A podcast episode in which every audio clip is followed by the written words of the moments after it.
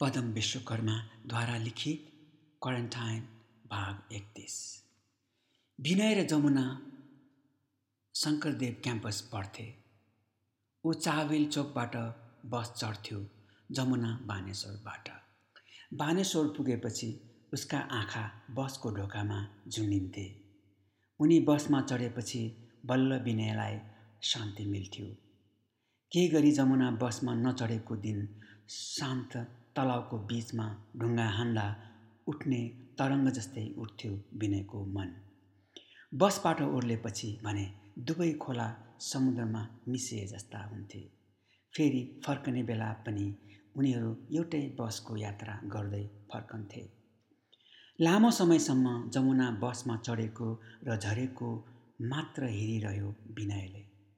एक दिन जमुनासँगैको सिटमा पुग्यो। सँगै बस्न पाएपछि ऊ भित्रभित्रै पग्लिएर हाँस्यो। उसको हाँसो त्यति नराम्रो पनि थिएन जुन जमुनालाई मन नपरोस्। उसको हाँसोले जमुना पनि मुस्कुराइन्। यसरी दिन बित्दै जाँदा थाहै नपाइकन उनीहरू बिस्तारै नजिकिँदै गए। यही बिचमा प्रेम पलायो र प्रकट भयो। यौवनका रङहरूले दुवै रङ्गिए। क्याम्पस सकिएको मिठो वैशको लहलहाउँदो उमेर शिखरमा चढिरहेकै थियो। संयोग नै मान्नुपर्छ उनीहरूको युनिभर्सिटी फेरि एउटै भयो किर्तिपुर। प्रेम फेरि लहरिन थाल्यो। एउटै कलेज हुँदा उनीहरूमा झन् सामिप्यता बढ्दै गयो। नजिक हुँदै एकले अर्कालाई बुझ्दै गए। यसरी प्रेममय दिनहरू कलेजको र प्रेमको छहारीमा बिते। जमुना नारायणी जस्तै शान्त नदी थिइन्। त्यही नदीमा डुबुल्की मार्न चाहन्थ्यो विनय। भर पर्दो उमेरका उनीहरूको प्रेम कति मिठासपूर्ण थियो। सुरुमा बसमै भेट्न पाउने रहर बोकेका उनीहरूको छुट्टी खेलकुदमा सँगसँगै बित्न थाल्यो। कतिपय अवस्थामा क्लास हापेर एकान्तमा पनि समय बिताए। भागेर चिडियाघर पुगे र चिडियाखानाका जनावरसँगै रमाए। एक अर्का बिना एक पल पनि बित्न मुस्किल पर्थ्यो। छुट्टी उनीहरूका लागि पीडादायक समय बन्थ्यो। झन् लामो बर्खे छुट्टी दसैँ तिहारको छुट्टी त उराट लाग्दो नै हुन्थ्यो उनीहरूका लागि। गर्मीको छुट्टी थियो। एक दिन विनयका बा आमा मामा घर गएका थिए। यही एकान्तको मौका छोपेर उसले जमुनालाई घरमा लिएर आयो। घरमा उनीहरू मात्र थिए। झ्यालका पर्दा बाहेक देख्ने अरू कोही थिएन। सरल पर्दा लगायो बिनेले ढोकाको चुकुल कस्यो। जीवनको पहिलो अनुभूति। विनय पग्लियो जमुना पग्लिन्। एकाकार भए उनीहरू। प्रेमको स्पर्श अनुभूत गरे। त्यसपछि उनीहरू एक आपसमा निष्फिक्र समर्पित हुन थाले। त्यसै दिन हो विनय र जमुनाले जीवनको महत्त्व र गहिराई बुझेको। त्यही दिन हो जीवनभर नछुटिने बाचा गरेको। त्यही दिन थियो भावी जीवनका लागि मनकामना माईसँग भाकल गरेको।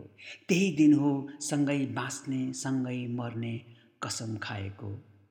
अनेक कल्पना र सपनाहरूमा रम्न रमाउन थालेका उनीहरू।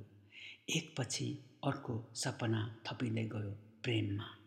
जीवनको पानामा प्रेमका पलहरू लेखिँदै गए।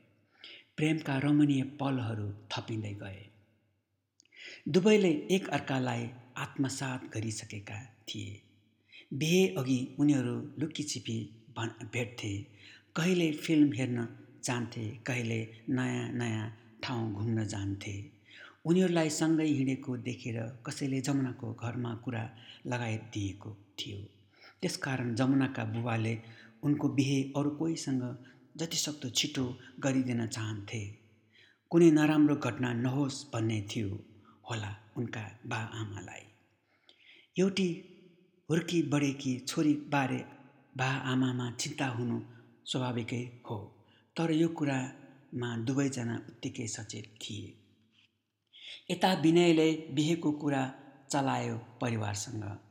छोराको इच्छा नै आफ्नै इच्छा भन्ठानेर बा आमा राजी भए।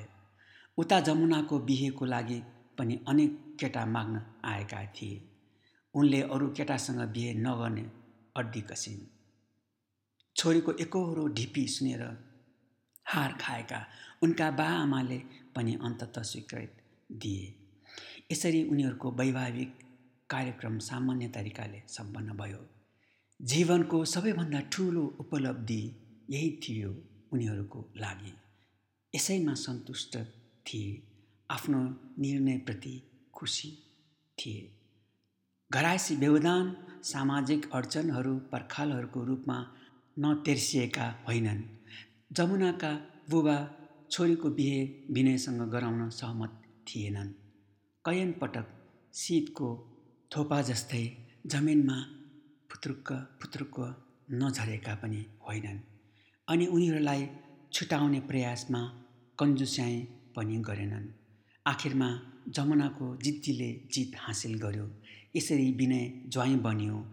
जमुनाको प्रेमी मात्र होइन पति पनि बन्न पायो। दुवैले नयाँ अनुभवका साथ नयाँ यात्रा तय गरे। प्रेम विवाह हुँदै अब उनीहरूको जीवन व्यवहारमा परिणत भएको थियो।